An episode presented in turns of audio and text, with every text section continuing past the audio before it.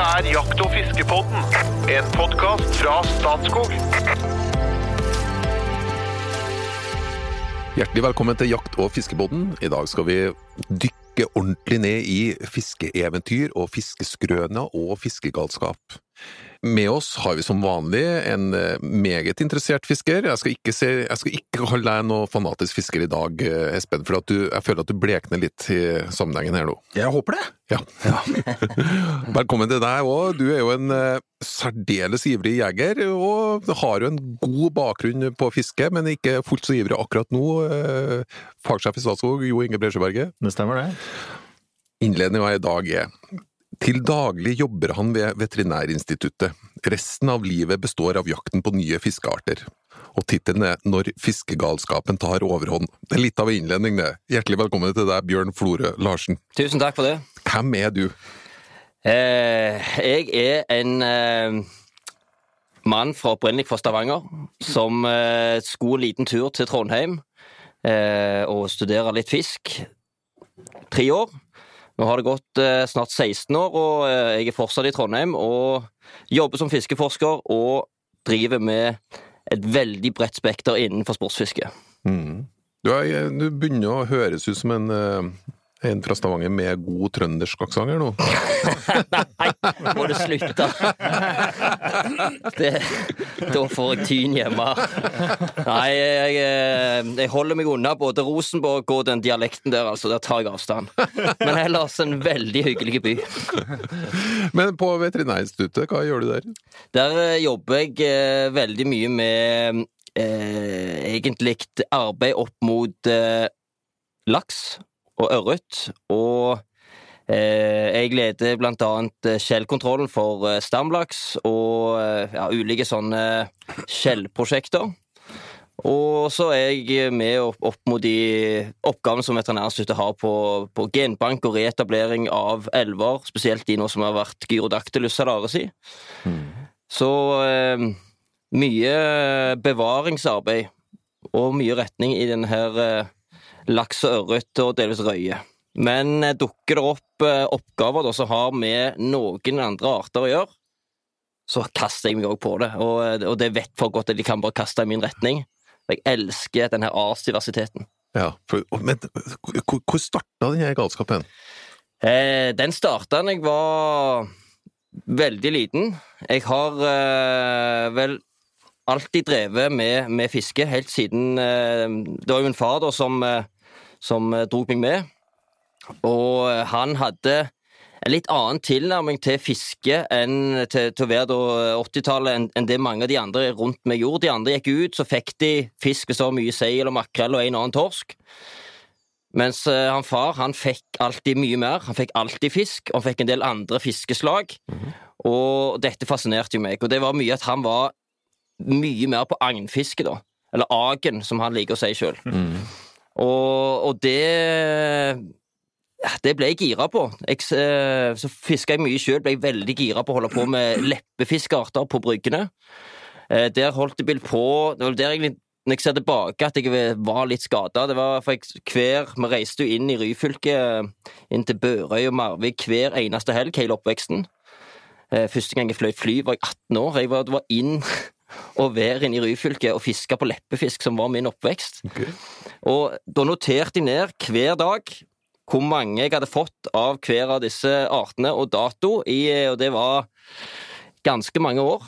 Eh, så nerdeskapen på dette her med arter og eh, notere ned litt hva du får, den har vært der helt fra tidlig, tidlig. For du er en såkalt artsfisker. I, ja, hvis vi skal Ja, Ja. Det, det, ja. Skjønner. jeg, jeg, jeg er veldig glad i dette her eh, artsmangfoldet og artsfiske, og går spesifikt etter arter. Men så er det òg Det går jo hånd i hånd med dette her spesimenfisket, som gjelder òg å, å gå spesifikt etter en art, men òg så stor som mulig innen arten. Så det går litt hånd i hånd. Og så er jeg òg eh, en som bare elsker å være ute og få energi av å være ute i båten min og dra inn fantastisk mat. Så det, er den kombinasjonen, men målretta, variert fiske er det som driver meg. Eh, Er det sånn at du, når du har fiska en art, så er du ferdig med arten? Absolutt ikke. Nei. Hvordan fungerer det der, da? Nei, det, så, sånn I utgangspunktet så har jeg jo på hvert enkelt art som, eh, som du har, så har jeg òg notert ned en personlig rekord på hvor stor den her er. Så jeg har liksom pers på, på sandkutling og pers på mulle og, og eh, ja, ulike rare fisker, da. Mulle. Mulle, ja. Den, eh, det er jo egentlig en fisk som folk flest forbinder gjerne med utfor eh, kysten av Portugal. Men, og den er en sånn en Den tenkte jeg egentlig aldri kom til å få. For mulle er en sånn en Altså, det, du vet de klassiske fiskeplakatene som, som du har på dass på hytta, eh, med de artene som er tegna opp. Der så satt jo jeg da og eh, funderte i et par økter per dag og titta på disse artene her. Eh, og da husker jeg alltid det var Mulle som sto nede i hjørnet der. Og dette irriterte meg sånn. Hva i alle dager når du skal velge ut en norsk plakat med kanskje hva det har 50 arter, så, så har de tappa en Mulle. Den kommer jeg aldri til å få. Den har jo ingenting her å gjøre. Så eh, at den er på lista mi, det hadde jeg aldri trodd. Men eh, fiskinga har, og den eh, kunnskapen rundt eh, arter i Norge, og metoder, har gjort at sånne ting har plutselig blitt mulig, og vi finner ting som Altså, Som ikke jeg visste var der før, og jeg tror eh, veldig mange var veldig uvitende til hvor mye det finnes av uh, ulike sånne typer arter som kommer inn på nettene, eksempel. Hvor mange arter har du fiska? Jeg har fiska Eller jeg har fiska enda mer, men jeg har fått 135, og så har jeg bomma på en del. Så, men jeg har fått 135 korrekt kroker som står på lista mi. Hva er det som irriterer deg mest? Hvilken art du ikke har fått? Og det må være eh, Jeg har irritert meg skikkelig over flekka fløyfisk og smørflyndre. De har jeg brukt sykt mye tid på, og de er på et dyp som det er enorme mengder med slimål. Eh, og for de som eh, ikke kjenner til plasser med syke mengder slimhål, så vil det si da at eh, du slipper ned til bånn, strammer opp med agn, og så eh, går det noen sekunder, og så plutselig kjenner du bare at hele dette her agnriggen du har sendt ned på ja, enten 30 eller 100 meter, er ganske tungt.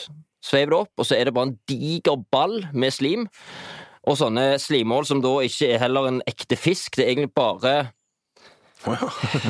Ja. det er bare plager. Så den eh, Og det, det som sitter også med sånn bitte små kroker og lager sånne lange takler og slep, så sitter du og bruker en del tid på det, og så har du blåst det taklet som du har brukt god tid på å lage, så har du blåst det på eh, fem minutter. Men, men Så bare begynner på ny. ikke er en ekte fisk? Fortell. Ja, nei, det er en rundmunn. Men den ble jo kåra til Norges nasjonalfisk i Ja, det var jo en eh, tullekåring. Ikke sant? Ja, nei, der, eh, den, eh, de trakk vel den òg etter hvert, men jeg husker det var en sånn en avstemning med, med den her slimålen, ja. Ja, men rundmunn, altså, de er også niøyer, da. Ja, så de regnes ikke som fiskearter på. De har jo fått det på stang, men de regnes ikke da som fiskearter. Altså de som er egentlige fisk som vi regner, det er da beinfiskene og bruskfiskene. Men et spørsmål, har du fått lagesild? Eh, Neste spørsmål. Nei, den, eh, den har jeg faktisk ikke fått. Eh, Den er Jeg tror faktisk det er den fiskearten på stang i ferskvann som er vanligst, men allikevel færrest har fått. For han er ikke så enkel å få korrekt kroker på stang. Det er kanskje litt mer sånn bifangst på fluefiske på de lokalitetene han er, som der han har dukket opp. Men det er mange som har brukt uhorvelig mye tid på å knekke koden og ta den målretta. Blant annet min bror. Han har eh, ja, jeg vet ikke hvor mange år han har blåst på det, men han, den er han skikkelig sint på, den fisken der. Han ser jo òg De ligger jo lagvis tett av de ute på, i Rogaland der på, på et par vann, og eh, nekter å ta. Det, nei, det jeg, jeg skjønner godt han er forbanna, men eh, det er, det er jo kjekke greier eh, den dagen det tar, forhåpentligvis. På hvilken måte fisker du da? Eh, på akkurat den. Ja, nei, generelt. Hvordan eh, teknikker bruker du? Og eh, egentlig alt. For det er det som det handler om når du fisker på så bredt spekter som eh, eh, Ja, jeg har 135, jeg har jo kanskje prøvd på 160-70. Eh, når du prøver på alt dette her av arter, så må du finne teknikker som er optimale til denne her fisken. Ja, det, akkurat det. For Ja, det, og det er det som er det kjekke her. Det har jeg aldri gjort. For at jeg, jeg, jeg har et fiskeutstyr, jeg. Og så, og så går jeg til et vann, og så fisker jeg med det fiskeutstyret, og så får jeg kanskje noe.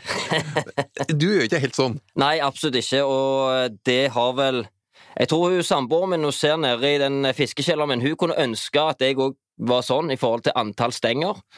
For det ser ganske ille ut. Okay. Eh, jeg syns ikke det er ille, jeg syns det er akkurat sånn det burde være.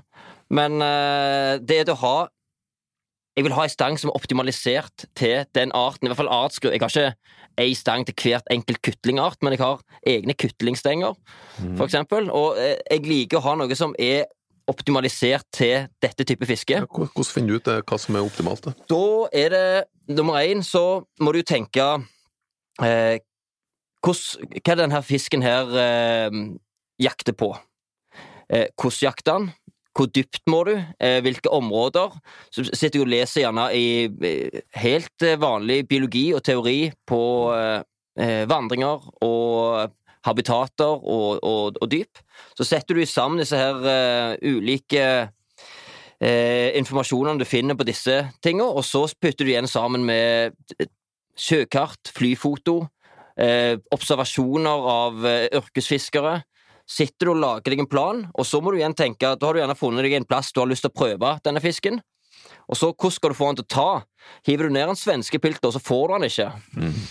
Eh, og da er det hvordan munnen ut, eh, utforma, hva størrelse krok du har, kan gjerne ha en, en, eh, hvordan skal den kroken presenteres på bånd, rett over bånd, hvordan kan du unngå den slimålen? Det er, hvis noen vet, ring meg, hvis de har tips på det. Eh, og så er det hvilket agn, altså det er det der å dykke litt i hva type agn du bruker. Det kan ofte gi resultat når du begynner å komme opp i de litt sære antall arter. Så begynner gjerne altså makrell og kokt reke fungerer sikkert til 95% Det er gjerne ikke det optimale, men det fungerer godt. Så det er gode allrounder-agn. Men eh, ellers så må du begynne å tenke òg litt nytt. Og eh, begynne med ulike tanglopper og uh, ulike flerbørstemark og sandmark og uh, ulike skjell og ulike reker, mysider. Du begynner å tenke nytt for å finne ut hva det akkurat denne fisken her spiser. Og så vil jeg igjen ha ei stang som er optimalt til akkurat dette, for å ha den feelingen du skal ha. Eh, Det er gjerne en veldig følsomme tupp, sånn jeg har egne sånne quiver-tipp-stenger som jeg bruker kun til flekka fløyfisk. Så jeg har egne, to egne flekka fløyfisksett. Eh, som, Jeg kommer til å spørre etterpå hvor mange stenger du har, men Ja. bare fortsett. ja, ja, ja. ja det, jeg vet ikke om jeg vil si det på Men, eh, men eh, det er iallfall sånn vi tenker, da. Og eh, finner da eh, Og det er jo både Én ting er at det er kjekt å eh, å ha et optimalt du, du, du interesserer deg sånn for dette her, at når du først da er ute, så er det kjekt å ha noe som er dette er perfekt akkurat til dette her. Og det er, litt, det er egne preferanser, og som også passer til akkurat det du gjør, da. Eh, men så er det jo òg Det blir jo òg en del av interessen, det å følge med på utstyr, følge med på utvikling, kanskje være med og få folk til å bygge litt stenger til deg og Så det, det er jo hele totalopplevelsen her som, som er greia, da. Men, men, men hva er hva, da, da spiller jeg tilbake. Lagesild. Ja. Hva er det den spiser, da? Hva er det som gjør at dere ikke knekker den koden? Nei, han, han, er, han har jo for eksempel Da han har blitt tatt, for eksempel eh, Det er Han har blitt tatt på bingo under med litt maggot og med på isen. Så har det kommet en og annen. Eh, så har det kommet eh, for eksempel på, på fluefiske. Mm. Det er vel der han dukker opp mest. og Den er at en insektspiser, da. Som, eh, og, så har jeg nå skjønt at når du, når du får noen sånne eh, enkelte klekkinger på, eh, på våren, så er det visst helt vanvittig aktivitet, og det gjelder å treffe det lille vinduet der. Eh, og det har eh, ikke jeg fått vært med på ennå. Men eh, folk som har truffet, de har da fått fisken, og fisker med bitte, bitte små eh, eh, svarte fluer da på. Hæ? Så det, ja, okay, så, så det er en insektspiser, altså? Ja, eh, og det Men, men jeg, jeg er jo Det er vel kanskje det eneste fiskeformen som jeg ikke fisker i det hele tatt. Det er vel egentlig fluefiske. Føler det òg er en litt sånn egen Det er jo meitefiske som helt siden jeg var liten hadde fulgt meg. Og så er det litt grann aktivt haspesfiske og, og pilkefiske med jigg og slikt, men det er meite og agn, naturlig agn, er det som desidert står mitt hjerte nærmest, og fluefiske har uh, havna litt uh, Ikke litt, skikkelig ute i kulden. Eh, Ja, det er, jo, det, er jo, det er jo underdogen som sparker oppover, selvfølgelig. For fluefiskerne har jo alltid sett ned på Ja, nei, men Ja, og det er vel kanskje det òg som er litt eh, ok, syns jeg, og Jeg tror det det er det samme som de to fiskeartene jeg fisker desidert minst, er laks og ørret. Ja. Så for meg, så for, så for å skille jobb og fritid, så har du laks og ørret, det er jobb, og de 133 andre er fritid. Bare for å sette ei klokkeklar grense på jobb og fritid. Men du, eh, eh, jeg har sett et bilde. Ja, hvilke nå Gi oss et bilde. Det trenger ikke være positivt. Ja, det er, et, eh, det, det er nattverden. Ja, Hva, hva Ja, det, det jo, du har jo igjen da dratt galskapen litt videre, også i den retninga der. Hvordan gjeng er det? Hva var det som skjedde der? Ja, det er jo uh, denne her uh, Altså, når jeg flytta til Trondheim, så havna jeg da sammen med uh, en gjeng som var like ødelagte på akkurat dette. Og det var da, de ble da Nidaros kystmeitelag.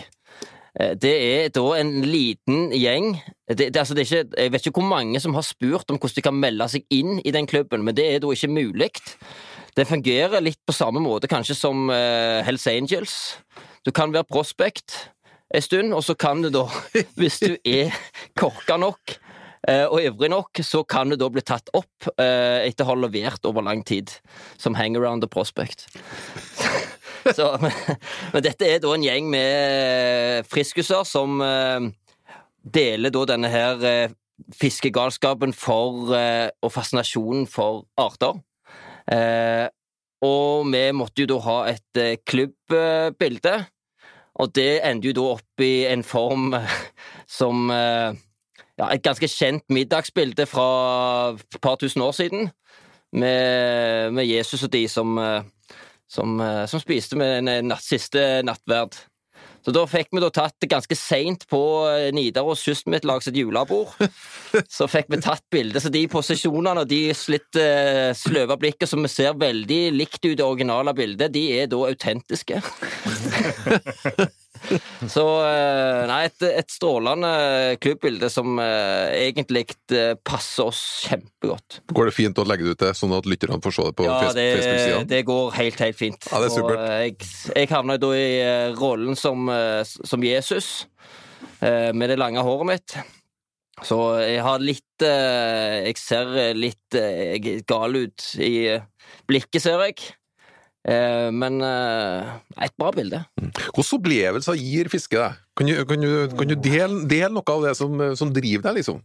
Det er Det er faktisk ingenting annet som greier å gi meg den følelsen, og det er egentlig ganske vanskelig å forklare akkurat hva det er, men det er når du Det er samme når- jeg ikke får fiske på en periode på grunn av eh, jobb eller eh, dårlig vær eller eh, mye familiegreier, så, kjenner du et sug som er det er helt, helt sinnssykt. Og det, og, og det blir enda verre òg når det er så mye sosiale medier og, sånn, og Snapchat og sånn, når du har så mange galne kompiser rundt deg som da er veldig flittig og har grei oversikt på når du sitter inne og ikke har sjans, og da dundrer de på med prosjektene sine, og hvor, hvor fantastisk de har det utpå. Og da kjenner jeg et, eh, noe i, i magen i hodet som er eh, Det er vanskelig å, å, å stilne det suget, rett og slett.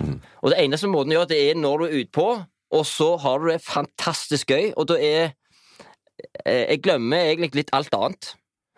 Og, og rett og slett bare storkoser meg, og så varer det eh, Jeg sier alltid når jeg får en tur at denne her kan jeg leve lenge på. Men jeg kan jo ikke det, vet du. Ja, det genererer bare mer, er det ikke det? Ja, det er akkurat det det gjør. Jeg har, eh, ja, jeg har drevet tyske litt i faget, og både jakt og fiske. Hadde, jeg bodde i New Zealand, og da, det året så klukket jeg inn over 200 jaktdager på ett år. Mm. Og det kom tilbake, så begynte jaktsesongen her. Det er jo litt annen uh, sommer og vinter enn det vi har, da. Det motsatt av det vi har. Og begynte på jaktsesongen. Jeg passerte 200 dager. Og så da min samboer, som da min fru, spurte om ikke jeg skulle være hjemme ei helg, Og, og seriøst, det, det var ikke noe jeg ville med å være felkevond. ikke sant? Det var jo det var helt umulig å ha med hus. For jeg visste jo, det var akkurat det som du sa, at de andre gutta var jo ute, ikke sant? og det var jo skikkelig bra før. Det var jo tiur i skogen. ikke sant? Det var, nå var det jævlig bra forhold. Det var, jeg visste jeg hadde skutt i tiur hvis jeg hadde da, eller det hadde vært en stor sjanse for det. Og helga etterpå spurte Pent om jeg ikke kunne reise ut igjen, da. Da, da var Ja.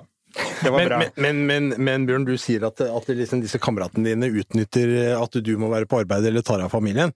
Men dette er, dette er jo en omskrivning av sannheten. Altså, jeg, jeg har tilfeldigvis han som venn på Facebook, og jeg veit jo hvordan det er. Altså, på en tirsdag klokka 11 så tikker det inn en lange på 23 kilo som han har vært ute og fiska i lunsjen, ikke sant? Ja, så, så kom igjen, altså. Ja, ja, jo, jo, jo. Jeg, eh, jeg, jeg sa jeg kan være ganske ille tilbake til de kompisene, og vel så det. Det men eh, allikevel så føles det verre å få det, få det andre veien. Jeg hørte Det der, en, eh, ja. en som sa en gang, det var om en eh, fluefisker, at eh, det var som en uhelbredelig sykdom. Og det eneste de pårørende kunne gjøre, var å sørge for at pasienten hadde det bra. Ja. ja. Det er, men det er jo eh, Akkurat Det er jo fint med den jobben min, da. Og når jeg eh, bor eh, ja, Jeg bor rett i nærheten av jobb, og eh, båthavna rett i nærheten av jobb. Og som forsker eh, så har du fleksitid. Så da er det fort gjort jeg ser det er litt tynt eh, med ting som trengs å gjøre akkurat nå, så kombinerer jeg gjerne ofte lunsjen med at jeg bare rett ned i båten, og så utpå. Og så spiser jeg lunsj der ute. Eh, gjerne med å snøre ned på 400 meters dyp og fiske et eller annet eh, digert og deilig. Er det, det Saltbotn du Ja, det er saltvann. Ja. Jeg, det, for det, det også jeg, jeg, er jeg er veldig glad i, i ferskvannsfiske òg, men, men eh, jeg må si det at sjøen Sannsynligvis for der jeg er vokst opp i Rogaland, og der er sjøen eh, ganske mange hakk kvassere enn ferskvann. Eh, Du har et mye kjipere mangfold der i ferskvann. Så sjøen er det jeg har vokst opp med, og så er det jo det Uansett når du er på tur, da, så kan det skje ting som du ikke har litt idé om en gang. Plutselig så bare skjer det noe som er helt usannsynlig, for det er ingen, uh, ingen grenser i havet. Der kan alt ha drifta inn fra hvor som helst. Kan du, Har du et eksempel? Um, ja det er jo uh, For eksempel så eh, Et av de En av de gangene jeg har vært mest eh, glad på eh, en sånn en helt uh, bingo Jeg, jeg fik- fiska riktignok etter skate. Men det var da Vi var et uh, fylke hvor det aldri var dokumentert på stang uh, hvitskate før. Vi skulle fiske spissgate. Dette var påsken 2013. Jeg hadde aldri fått den arten, og det var på den tida ikke så mange som hadde fått den arten generelt. Eh, og de få som fikk den, de fikk den utenfor Langesund. Langt, langt til havs. Så lå vi der, og jeg kjente med rundt 300 meter, så kjente jeg at jeg fikk et drag, og at det her er skate. Og for de er ganske greie å kjenne igjen eh, hvordan de oppfører seg. Og da var jeg jo helt sikker på den her spissgaten, som jeg hadde fra før, og en veldig kul fisk, men eh, ja, så det var sånn god stemning i båten. Så han er ikke så stor, sa jeg, men vi er iallfall endelig rett der, for da har vi ligget i et par dager uten noe suksess. Det er helt damstilt. Strålende sol. Og eh, kanskje han jeg har fiska mest med på dette her, eh, en som heter Erven Kilde, han eh, satt da med meg og hans bror, og han har heldigvis da, så har han filma dette. Så det, jeg, det ligger et YouTube-klipp der ute. Eh, NRK plukka det òg opp, for de, de ser jo at jeg mister det totalt. Det er å absolutt anbefale å gå inn og se på det. Jeg tror uh, filmen heter Den er hvit, med masse i-er. Og han tok på det der GoPro-greiene, så hadde han det på, på hodet, og så bare for å filme for vi hadde ikke noe annet å filme, for det har ikke skjedd noen ting på to døgn.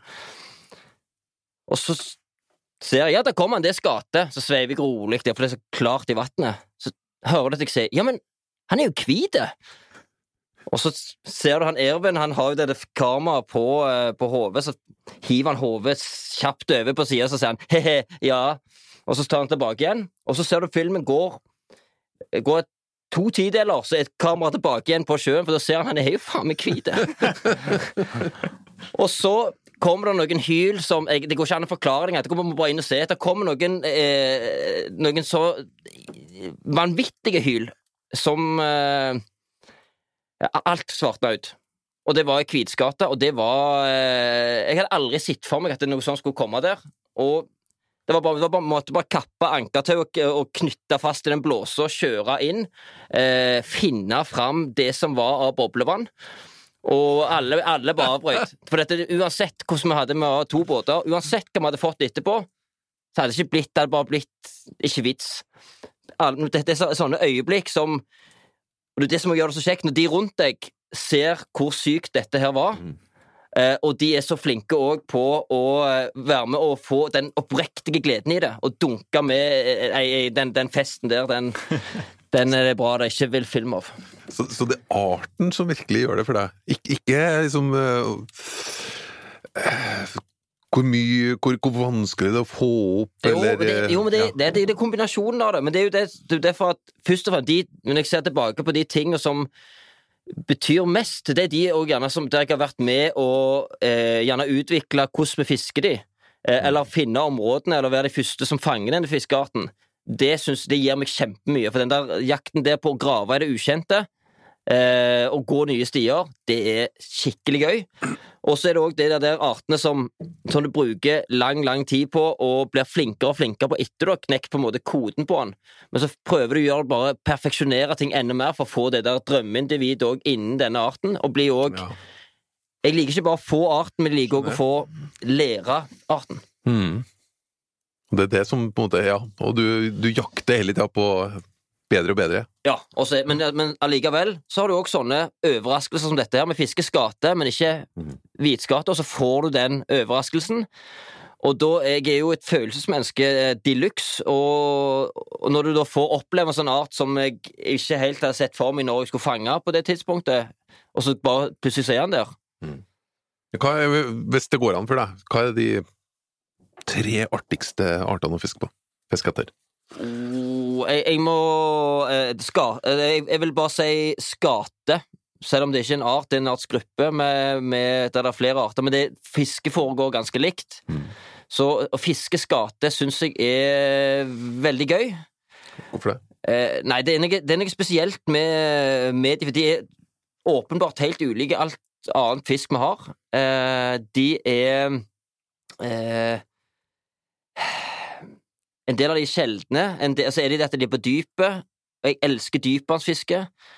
Og så jeg, jeg, har, jeg har vel hengt meg litt opp i de skatene, tror jeg. Helt fra jeg var liten, så hadde jeg aldri fått noen skater da jeg var yngre.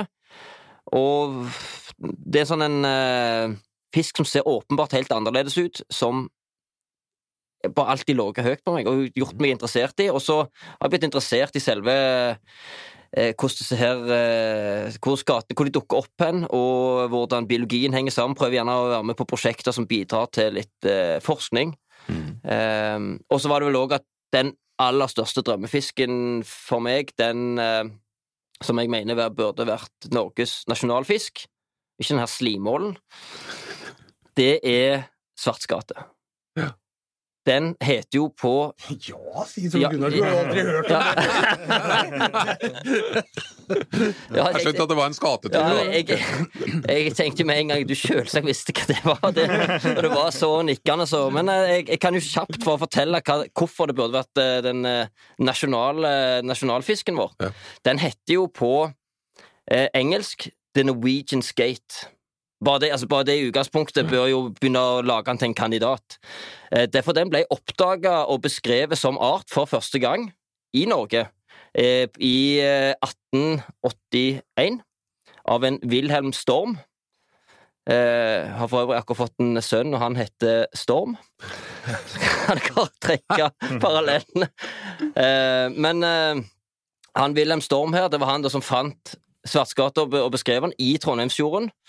Og den fikk også det latinske navnet eh, Nidarosiensis, etter gamlebyen Nidaros. Ja. Så det er et sånn historisk sus over dette her. Og så er det disse skatene som jeg har vært så opptatt av. Det er den norske og den trønderske røttene, som eh, I tillegg til at den er veldig sjelden. Og den eh, har vi jakta på i eh, ti år da, før, vi, før vi fant den, da. Jeg føler at du kan få min stemme òg, i og med at det var såpass trøndersk forankra her. Ja. Det syns jeg absolutt. Ok, det var bronseplassen, faktisk, var ikke det? Nei, jeg, Eller på topp. Jeg, Du starter, på- du starta med gull, du. Ja, men- eller- Har du flere opp i toppen, da? Ja, eller ja, jeg vil egentlig si uh, gjør det heller sånn, for for meg så er det vanskelig å velge mellom barna. Uh, det, det er eh, det, det er topper generelt, men den, den står høyt. Så, så har jeg òg, av litt mer tradisjonelle fisker, så må jeg si det at jeg har alltid vært kjempeglad i å fiske stor lange og stor brosme. Det er noe med det at eh, For der får jeg den der eh, mataspektet. Så er det digre fisk, og så er det ganske tilgjengelig. Og så har jeg brukt så mye tid på det helt siden jeg var liten, så jeg har blitt eh, flink på det. Og eh, det, det syns jeg bare er et kjempekjekt fiske. Og det tror jeg var den første sånn enorme fisken jeg så eh, som liten. Det var når pappa fikk eh, ei lange Jeg husker den var 24 kilo, og jeg var en liten tass. Og når jeg så den den, den gangen der, så tenkte jeg bare Og det var jo selvsagt familierekorden da, og den er, aldri, den er ikke mulig å slå. Jeg kommer aldri til å komme i nærheten for en sinnssyk fisk. Og det føltes på det tidspunktet som den drøyeste fisken i verden.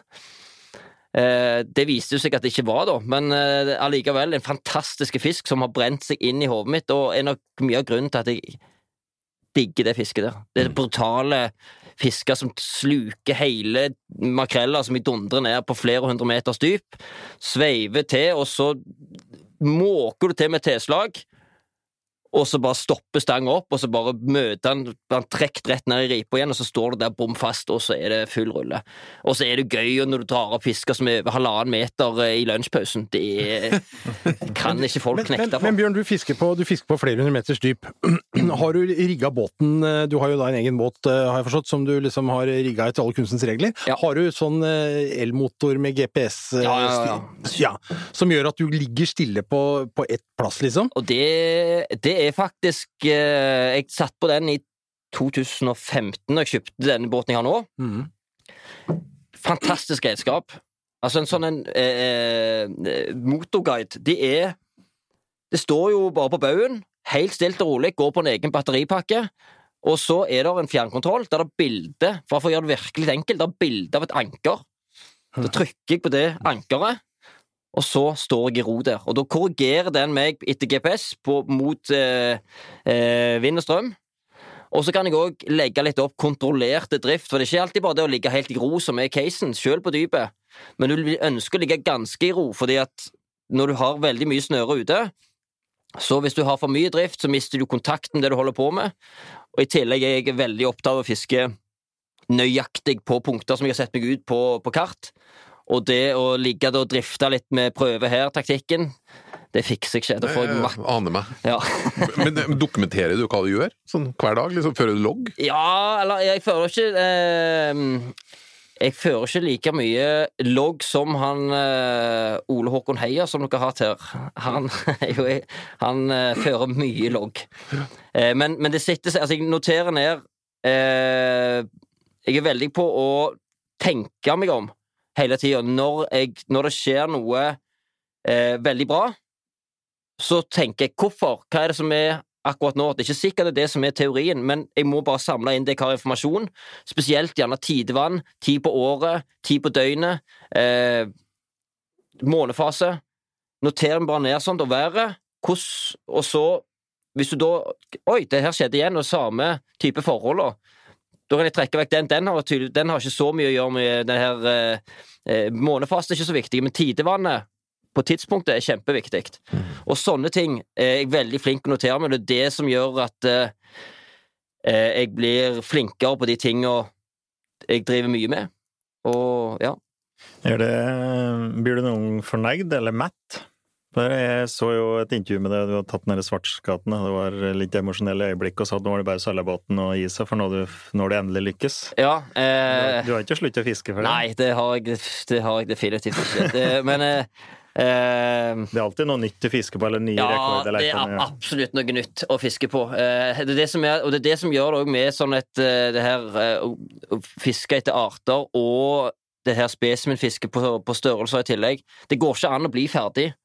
Men det går an å ha, ha noen milepæler som at Som er litt usannsynlige, som gjør at i øyeblikket så føler du at du har nådd maks. Du klarer å nyte det da?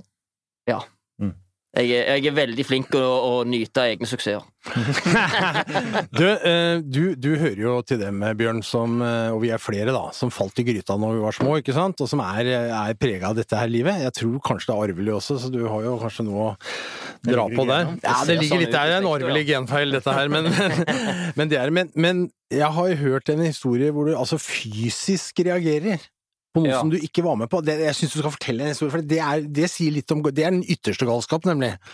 Eh, ja, eh, ja, jeg har jo reagert eh, fysisk eh, flere ganger, og det er Men, eh, men det ene jeg fikk eh, Jeg har en på panserulke som eh, det, det var Det er òg en sånn fisk. En, for de som ikke vet hva ei panserulke er, så er det ei lita ulke som lever i, på, på grunt vann, bare det at han, som navnet han er pansra. Knallharde i, eh, eh, i huden, og så har han litt sånne tårner ut og eh, En ganske spesiell fisk. Um, anbefaler å google den, for den er faktisk sykt kul. Det er Kjempekul fisk. Men den sånn, eh, Jeg hadde sett den på en dykkerfilm i Trondheimsfjorden. eh, På 15-20 meters dyp, tror jeg det var. Da så de én, og da så jeg også hvor ubrukelig svømmer han var. Helt stille der, og han dykka og løfta litt opp, og den slapp, han bare seilte ned. Så den lille munnen. Jeg visste ja, det er så, Og så har du hørt om så få observasjoner, og det som slenger seg utpå et område på 15-20 meter, hive ned et agn som du ikke vet om har spist, og du ikke vet om det er panserulker, og så få den der elendige svømmeren til å faktisk ta i blinde. Det høres ut som et syltynt prosjekt, og det er det òg. Eh, og derfor hadde jeg liksom lagt den litt vekk. Det er ikke en fisk som kommer til å komme over.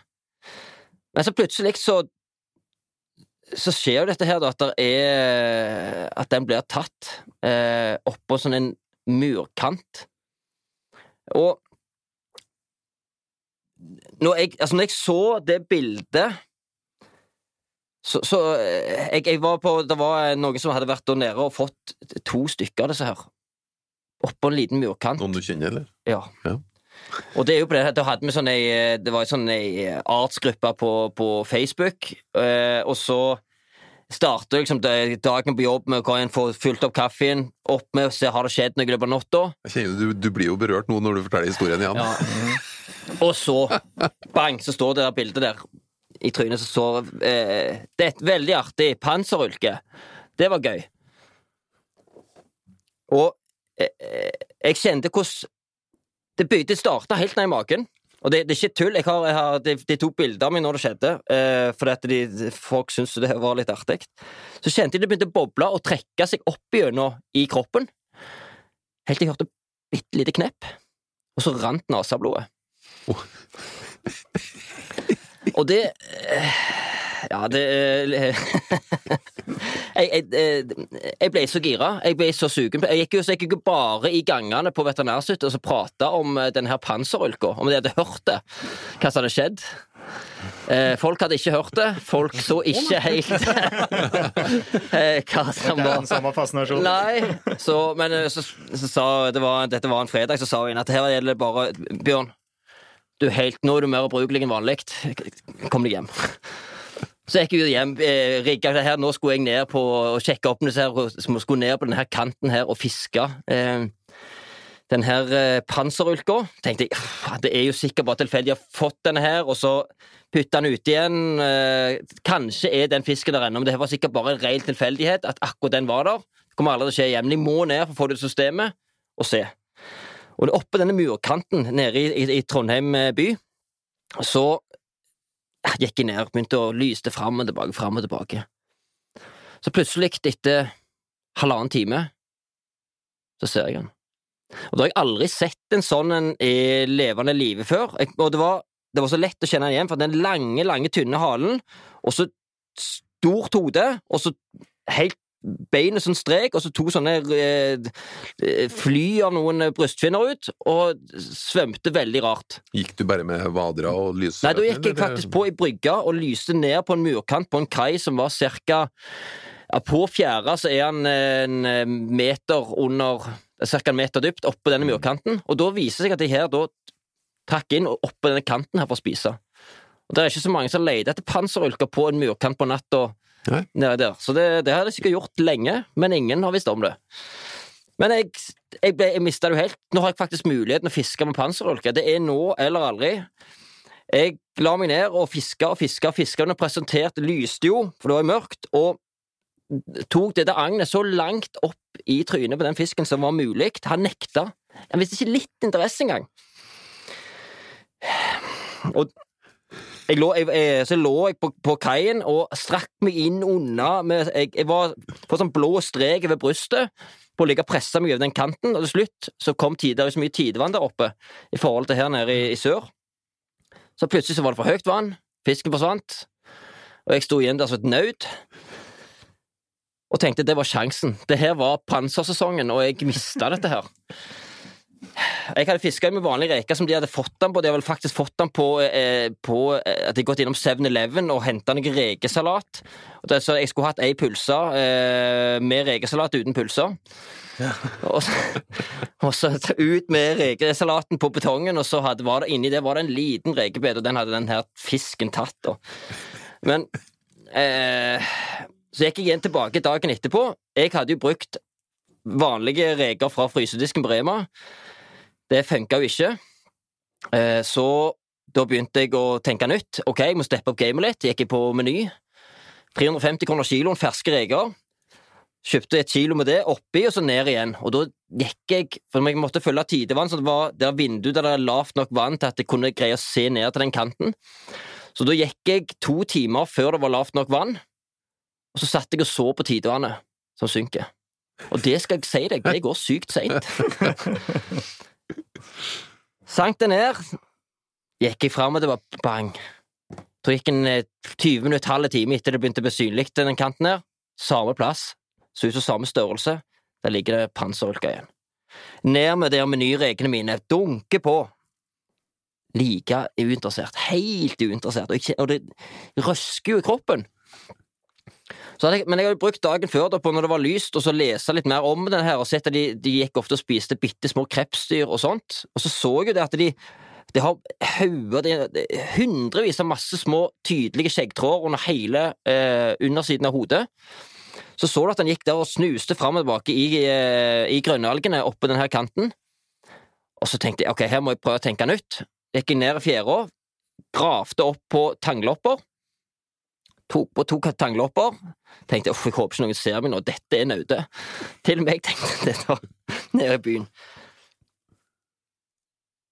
Jeg hadde aldri trodd at tanglopper skulle liksom være det som bare da smalt det skikkelig. Men jeg la agnet ned på sida av han, så begynte hele fisken å vibrere. Så heiv han seg over, og jeg dro til med et teslag fra en annen verden. Og fisken opp i lufta. Og jeg ut med genseren, så tar jeg, bruker genseren som håv og tar imot den. Og så husker jeg så klemte genseren rundt opp til, opp mot taket rundt brystet og holdt rundt denne fisken. Og så begynte jeg å riste av glede. Så hadde jeg en sånn rosa tilitersbytte med disse menyreglene mine. De gikk rett ut på fjorden. Oppi med vann, oppi mulka mi. Og så fikk jeg jo helt skjelven. Jeg sto alene. Så, løp, så gikk jeg fram og tilbake og, og, og ropte hvor fantastisk flink jeg er. Høyt. Med denne bytta. Og så helt til jeg fant ut jeg må jo ha noen til å ta bilde av meg. Denne ulka. Og det var det jo, det her var da eh, Jeg hadde første kvelden på fredag kveld. Dette her var lørdag kveld natt til søndag. Klokka var rett over midnatt. Eh, folk eh, var på vei hjem fra en hyggelig aften på byen. Jeg sto da nede i båthavna her, og så så jeg et par da som gikk oppe på, på veien oppfor. Så løpte jeg opp.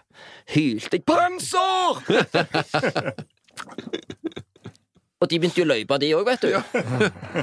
Jeg hadde ikke til å ta det igjen, så jeg løpte jo med tilitersbytter og sånne kjeledresser, så hadde jeg det lange hår og skjegget mitt. Eh, rødsprengt. Og når, det kom en jeg, jeg ser jo ettertid at når det kommer et sånt et dyr opp fra mørket i havn og hyler etter deg, da springer du. Så, men det kom et par, da. De var, det var et eldre ektepar i kanskje midten av 60-åra, og de greide jeg å ta igjen. Hun tviholdt på veska si. Så sa jeg nei, nei, nei, nei, du skal bare ta bilde av panseret min. Så uh, De var ikke videre imponert over det de skulle ta bilde av, men de tok det bildet raskt og hadde en eh, lett og rask gange videre. Men eh, fantastisk opplevelse. Hvor stor var den? Den var 10,4 gram. Men du er jo i stand til å nesten fiske elgkjøtt òg, du? Har er om. Ja! Det, Hvordan gjør du det? Det er, det er jo det som er fint eh, oppe i Trøndelag, der jeg har slått meg ned nå. Der skyter de jo alt. Så eh, veldig mye gode venner som eh, driver med jakt. Det gjør ikke jeg, men jeg er veldig glad i å spise kjøtt, så da har vi fine byttehandler med at de- de får gjerne fisk av meg. Og så kommer det eh, elg og hjort og sånt i retur. Strålende god, gammeldags eh, byttehandel mellom venner, så det er min måte å jakte på. Veldig effektivt. Slipper både den partering og alt det opplegget. Får bare ferdige vakuumpakker rett inn. Og eh, istedenfor å høre på smell og vasle, valse rundt i skogen, så sitter jeg om bord i Black Pearl med motorguiden min og lett musikk på øra og eh, koser meg på dypet. Hvilken fisk liker du aller best, du, da? Å spise. Ja. Og gjerne hvordan du tilbereder det òg. Ja, eh, ja for jeg, jeg, det er jeg faktisk eh, også blitt mer og mer interessert i. Det er det å lage god mat av fisk. Eh, og jeg er Det som sier hvilken som er best, det er òg Ja, men men det- vi kan ta flere. Det er viktig å ha fordommer, sette folk i bås, er best dårlig Det er viktig å, Ja, ja, ja, viktig å ja, jeg, jeg er for så vidt eh, helt enig i det. Eh, jeg tror kanskje den eh, Jeg elsker skolest. Skolest er en nydelig fisk, og den vil jeg òg sette litt i samme bås som en som som ligner litt iskalten. De to eh, er fantastiske. Tror folk flest ikke har spist så mye av det, men eh, Det er ikke så mange som spiser skolest det er vanlig, tror jeg. Nei, det vil gjerne, men, men de burde gjøre det. Eh, Den eh, Den ser jo veldig rar ut, men fantastisk kjøtt, for de spiser jo mye på reker. ja, hvordan, du, hvordan du får den, da. Det er aller først. Oh, ja, der, eh, nå, nå, nå har du beveget deg inn på noe igjen, ser du. For det, den, akkurat det her, når vi skal få skolest, Ja. det var en egen eh, eh, egen sak, hele greia. For det, det var en fisk vi vet det er sykt mye av, men ingen fikk den, stort sett. Det var I løpet av ti år så hadde du gjerne hørt om fem fisk som var tatt, helt på bingo på når fisken er på dypet, og det gir ikke mening når vi vet hvor mye det skal være av den. Så burde vi fått det oftere, men det var tydelig det funka ikke, det vi gjorde. Så hadde vi lyst til å finne ut hvordan vi gjorde dette her eh, målretta, og da var det en i denne her eh, nattverd eh, Nidaros-gjengen min som hadde lest eh, og hvor, hvor de ble tatt ofte i reketrål. Og heva opp med at når han fiska på dypet, så gikk de gjerne langs bratte kanter, ned på hvert fall en 300 meter, hvor det gikk en bratt bakke utfor, så fiska i bånn og litt i, ja, i bånn av den kanten. Eh, kan tenke deg gjerne rundt eh, det som K-punktet i en hoppbakke. Hvis du ser for deg bakken på, eh, Mhm, går ned der til dypet, rundt K-punkt der, eh, fisker vi gjerne. Men så var det òg det at når du ligger helt i bunnen, så var det enorme mengder med eh, kanskje små brosmer, langer, eh, mye eh, ulike hai, hågjel, svarthå. Så det han gjorde, da, for han tok ti meter med bare line uten krok, og bare altså, hadde som ren Tom. Som bare for, for da kjenner han at han er i bånn, Mm. men ingen kroker nederst, og så kom krokene. Så festa han eh, på noen reker, for hvis den, det spiser de. Eh, og så, på første forsøk når han gjorde det der, så Jeg husker jeg lå rett bortfor, og så hørte jeg bare et vanvittig hyl. Jeg visste jo at han skulle ut på dette her, hadde sånn medium tro på det. Men eh, så hørte jeg bare et hyl fra, fra Kaloska, og, og to nautiske mil, kanskje. Eh, det bar lett over det. Jeg skjønte at her er det noe som har skjedd. Jeg må bare kjøre bort. Halte opp, kjørte bort.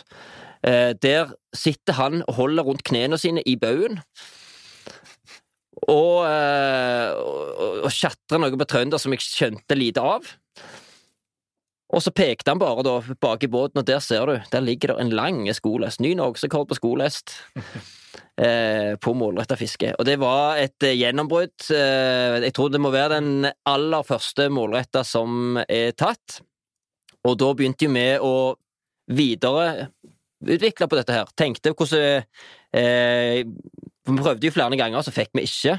Så han var jo òg heldig som slo til der, for han, han, han knakk den, en av de viktige tinga med teknikken. Den knakk han, men det var ikke ferdig knokke. At du må ti meter opp, eller? Nei, ja, Og- det, må på det, at du, ja, det at du kom på rett, rett dybde og på rett sted, Ja. eh, det hadde han eh, funnet ut. Og så har han sannsynligvis eh, vært veldig heldig med tidspunktet han gjorde det på. For når vi prøvde litt etterpå, da, så fikk vi av og til eh, Jeg husker den første, det var jo en vanvittig opplevelse. og når det her gikk, og, men jeg hadde brukt mye tid på det å fiske når det var rolig og fint. Ut der, ned med det her skolestakla. Prøvde å eksperimentere litt mer med agn. Eh, eksperimenterte litt med attraktorer på selvlysende ting. Så jo det at økte jeg for mye selvlysende, så kom alle disse haiene opp, og så ble det en haifest. Mm. Men så hadde jeg òg bitte, bitte, bitte små perler. For dette her er jo fisker som er svarte inni munnen, og det er ofte et predatorforsvar, for de spiser fluoriserende små dyr. Og når de da spiser sånne fluoriserende små dyr på dypet, så skal det ikke lyse opp som en diskokule sjøl og være eh, et bytte for andre større fisk. Så da har det da en svart munnhule, som da gjør at eh, eh, de rett og slett blir litt mer usynlige da når de gjør det. Så jeg prøv, har prøvd med bitte, bitte små kuler, og fant ut det fungerte bra da. Men det som var hovedclouet, og det som irriterte meg, det var da at jeg så Vi var flere som fiska, flere som fikk, men det var som litt bingo. Det var fortsatt altfor mye blanketurer på dette. Så tok jeg Fant alle foto av både tilfeldige fangster og folk sine fangster rundt omkring, eh, og gikk inn på Exif-data på bildene. Da fant jeg ut tidspunktet de var fanga, eh, og når bildet er tatt. Og så tok jeg ut datoen, og så tok jeg det opp mot historiske tidevannsdata. Og da fant jeg plutselig, og det har jeg gjort på mye fisker, og, og så det igjen bare med et stort Excel-ark og masse spørsmålstegn. Men denne gangen så var det plutselig en kjemperød tråd i det. Alle fiskene var uten unntak av de, som, av de eh, 25 fiskene jeg hadde sjekka, var pluss-minus 40 minutter fra maks flo eller maks fjære. Akkurat på toppen når vannsøyla snur. Når, når strømmen står på sitt roligste. Da var det tydelig at akkurat da så dro de opp i vannsøyla og jakta. Mm. Så begynte vi å gå målretta og fiske akkurat i disse vinduene. Og begynte å, nå legger jeg opp tur når jeg drar på skofiske nå. som første jeg gjør, må sjekke tidevann. Så ok, da er det flo, da er det fjære. Så legger jeg opp til starte én time før maks flo eller maks fjære, og fiske til én time etter. Det er mulig å få etterpå eller før, men inni det vinduet så er det fisket så markert mye bedre. Og det er jo det jeg, jeg vil, liker jo å ha effektivitet når jeg går ut og gjør noe, og sånne ting. Elsker det. Får du som regel Jeg får som regel skoles hver gang, ja. Ja. Og det, det, er, det er ganske kult at uh, sånne grep uh, samla når vi er en død gjeng, og folk finner ut ulike ting, og så putter vi det her sammen, så blir vi litt og litt flinkere. Og det er sikkert ting som vi kan gjøre for å bli enda flinkere på det, men eh, nå har vi kommet et godt stykke når vi begynner å få skoles på ca. hver tur, da. Så vi skal, vi skal over på kjøkkenet etterpå. Men Ja. eh, det, som, det som jeg syns er ganske fascinerende, det, det er en tilnærmet vitenskapeliggjøring av fisket. Det er en veldig sånn analytisk tilnærming, og så deler kunnskap, og går veldig sånn eh, ja, analytisk til verks, egentlig. Mm. Nesten enda sterkere enn det jeg får inntrykk av eh, på mye jakt. Mm, Ja, kanskje. Det, det er jo Jeg kjenner jo at mye av metodikken og tilnærminga uh, Knekke koden, da, som vi kaller det. Eh, Espen har kjenner ut av det fra skogsfugljakt. Har du knekt koden? på rette føre, rette tida på døgnet, rette skogtypen og alt det. Så, Men kanskje enda større grad på det her, da. Og det er andre arter, og det er kanskje Det er jo mye lettere på jakt. Det lett- det det- ja, foregår det jo over vann. Det er jo visuelt vi synlig. Vi ser Ja. jo at uh, lettere flytter på måle seg. Da, da, det er jo helt, det er klart det er mye lettere. En type har tid duetrekk er best, eller gåsetrekket starter, altså. men, men det er nok en ganske mye enklere å få til på jakt ja, enn på fiske. Men mye samme teknikk. Men, men, men som fluefisker jeg er jo en fluefisker etter ørret. Ja. Så kjenner jeg jo dette, ikke sant. Altså, vi er veldig opptatt av hva som klekker, når det klekker, hvordan imitere, hva skjer, ikke sant. Så, så vi har jo egentlig drevet med dette lenge, Bjørn, bare så det er sånn. Men det er jo det visuelle, da. Ja. Men- Men jeg lurer på en ting, bruker dere noen gang kamera for å se Ja, det- det- foregår. Ja, det har blitt mer og mer aktuelt eh, i, i de senere år. Altså, det var jo de når GoPro begynte å bli allemannseie, og disse her eh, fiskekameraene, Waterwolf, og så har vi begynt å filme mer og hva som skjer under vann. Ja. Og nå er det jo òg disse her eh, dronene. Som har begynt å få tak i både eh, Nå har vi kjøpt det på Veterinærinstituttet. Eh, Der er jeg jo eh, ansvarlig for den, så det er jo viktig å trene litt, sånn at jeg er en god fagmann og kan styre den her. For det kan jo være at jeg gjerne trener på Flekkafløyfiskplassen min, for eksempel. Som jeg fant. Men eh, det er, også, det er flere som har, som har kjøpt seg òg sånne droner nå. Det er, det er med i det her research-arbeidet på Du får et ekstra element til det, som- der du kan sjekke ut en ekstra ting. Da. Men uh, Men på hvilken måte deler dere informasjon? Dere i klubben, det er det ene, og det andre at eh, ja, ja, det, det er jo generelt i miljøet. Ja, generelt i miljøet også, så, så er det eh, flere det, har, det der plattformene, hvordan ting deles på, det har forandra seg veldig eh, gjennom internettfiskingens tid. Eh, det starta kanskje på altså tidlig 2000, sånn, så handla jo alt i Nerdefiske-Norge om fiskersiden.no. Det var liksom, det var, for, det var forum som var casen. Da var ikke sosiale mediene begynt å ta av gårde ennå, og ting skjedde på forum. Egentlig litt kjipt at det er ferdig, for det var eh, det var veldig gøy. Jeg, jeg, jeg brukte mye tid inne på det forumet der, eh, og all slags tråder om, om så mye rart. Og folk la ut turrapporter hver eneste dag fra rundt i hele landet. Eh, og på den måten så ble det deling, og jeg har jo eh, Hvor mye vennskap og sånn jeg har fått gjennom den fiskingen her og gjennom eh, sosiale medier igjen. Mm. Eh, Samboeren sier du hele veien 'Nei, ny sånn en eh, internettvenn'. ja.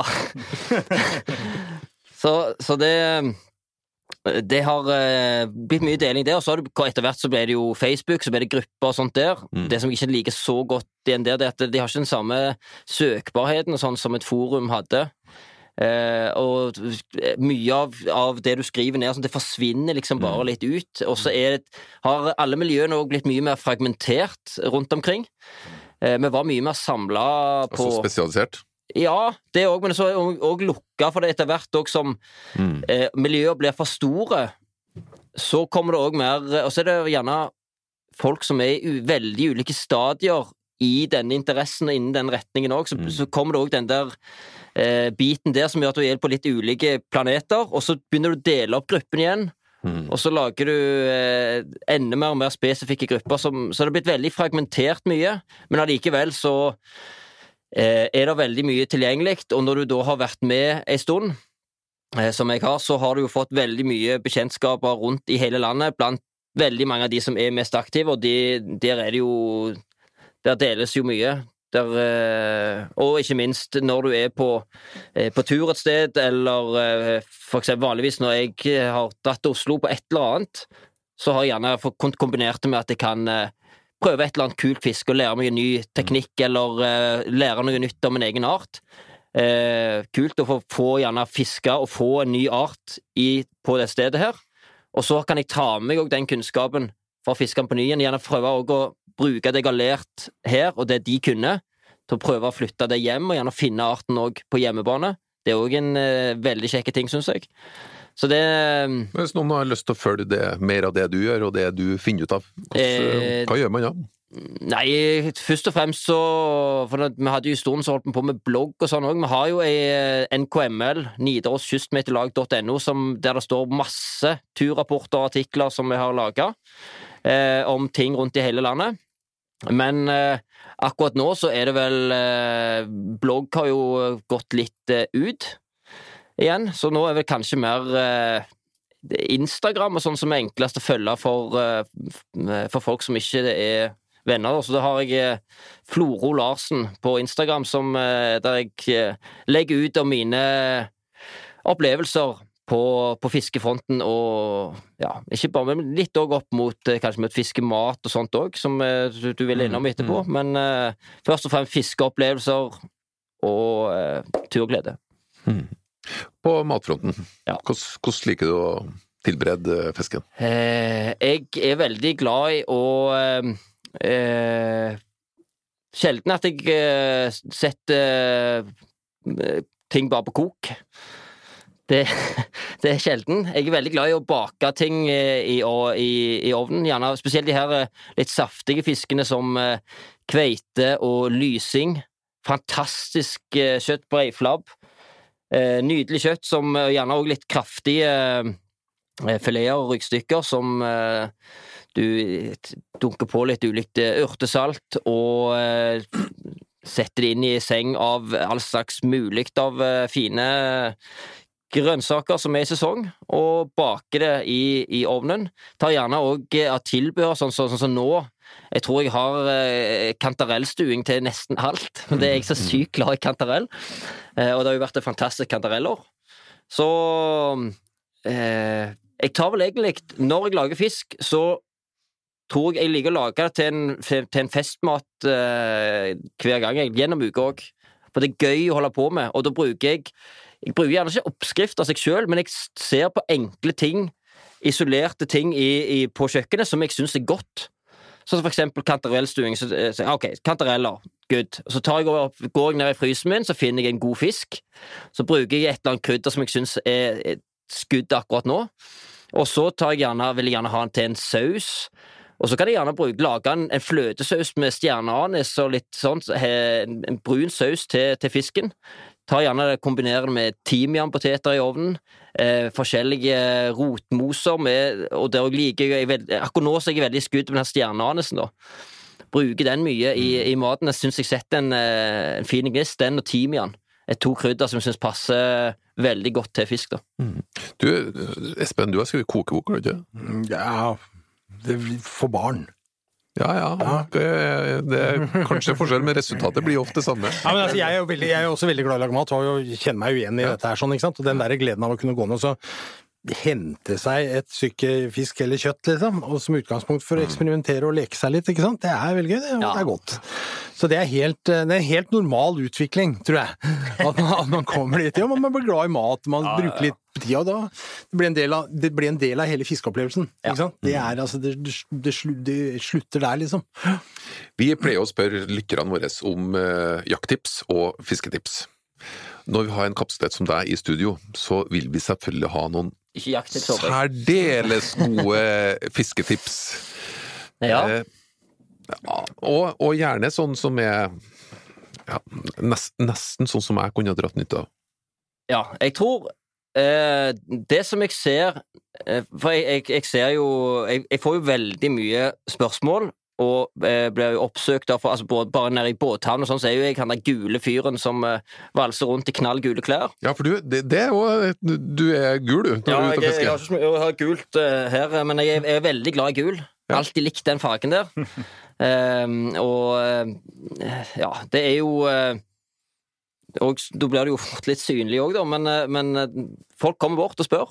Ja. Og da så, så ser jeg, så spør jeg gjerne OK, eh, la meg få se hva du holder på med nå her. Så drar de fram.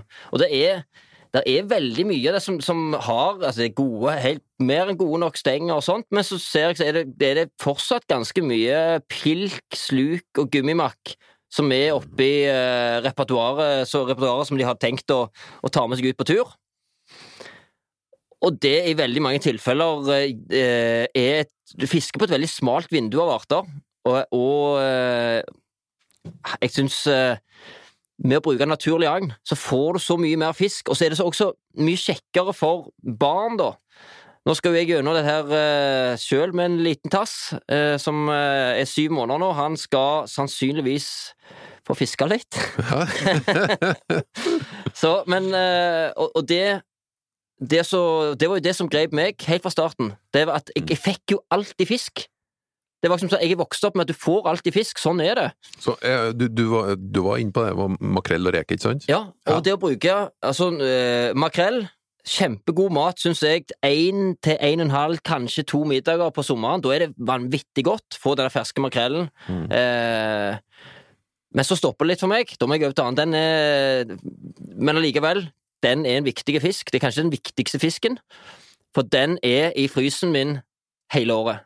Alltid Er det makrell, og du får tak i det, få det ned i frysen, da har du kjempeagn for, for resten av sesongen. Og det bruker jeg til nesten alt fiske når jeg er i sjøen. Alltid med meg eh, makrell, enten som hei lang fisk ned på dypet til enorme langer, eller bitte små eh, eh, stykker til flyndrefiske eller eh, hvitting, hyse. Er det kun det du har på kroken, da? Da er det kun det jeg har. Jeg kan kanskje kombinert med Altså, jeg, jeg lager jo Det er det viktigste elementet jeg har på kroken. Mm. Så lenge du har krok og agn, så har du kommet veldig langt, da.